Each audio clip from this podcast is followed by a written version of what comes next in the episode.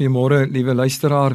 Dit is die laaste oggend wat ek saam met u gaan kuier vir hierdie week en ons kyk vanoggend na Romeine 8 vers 31. Hy sê wat sal ons dan van hierdie dinge sê? As God vir ons is, wie kan teen ons wees? Daar is so baie verkeerde dinge wat in 'n mens se lewe kan verkeerd loop. Aan die begin van hierdie dag weet ons nie een wat vir ons voorlê nie. Daar kan siekte in 'n mens se lewe kom Daar kan die dood van 'n geliefde in ons lewens kom. Daar kan 'n huwelik wees wat verbrokkel. Daar kan finansiële verliese wees. Daar's so baie dinge wat in ons lewens kan gebeur en ons kan nie sê dat ons daarteen gevrywaar is nie. Maar wat die Here wil hê ek en u aan die begin van hierdie dag moet onthou is dat wees aan ons kant. As God vir ons is, is die vraag: wie kan dan teen ons wees? En ons weet met alle sekerheid as God vir ons is, is daar niks wat teen ons kan standhou as ons net op hom vertrou nie. Johannes het gesê sterker is hy wie in ons is as hulle almal wat in die wêreld is.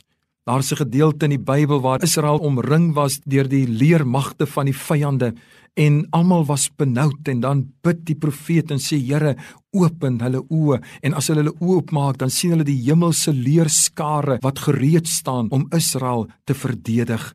As God vir ons is, wie kan teen ons wees? So ek wil u bemoedig in hierdie oggenduur Moenie hierdie dag begin met die gedagte dat u alleen is nie. Begin dit met hierdie wete God is met ons. Hy is aan ons kant en as hy aan ons kant is, dan hoef ons nie te vrees nie, dan hoef ons maar net op hom staat te maak. Dit is amper soos die kleiner boetie wat weet my ou boeta is by my en ek is nie bang vir die maatjies nie, want ek weet wie aan my kant is en dit is my gebed dat u ook hierdie dag so sal ingaan met die wete die Here is in u hoek. Die Here is aan u kant. Hy bedek u agterhoede. Hy lei vir u. Sê die Bybel in ons sit en in ons opstaan is hy die een wat sy oog op ons het. Mag die Here vir u seën.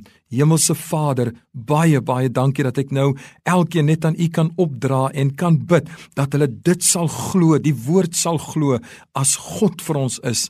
Wie kan teen ons wees. Dankie daarvoor dat Paulus ook sê nie eens die dood of siekte of owerhede kan ons skei van die liefde van God nie. Seën dan nou elkeen asseblief in Jesus naam.